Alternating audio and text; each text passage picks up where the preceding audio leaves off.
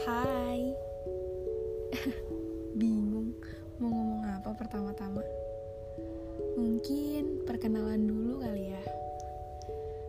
Nama gue Yovanka Anissa Putri Gunawan. Biasa dipanggil Tata. Kenapa? Aneh ya. Namanya Yovanka tapi dipanggilnya Tata. Sebenarnya ada ceritanya sih kenapa bisa dipanggil Tata. Next time deh nanti gue ceritain. Oh iya, ngomong-ngomong, ini podcast pertama gue. Gue masih bingung sih mau ngebahas apa nantinya. Tapi mungkin bakal banyak cerita-cerita tentang kehidupan gue. Tunggu aja ya. Next time juga durasinya pasti bakalan lebih panjang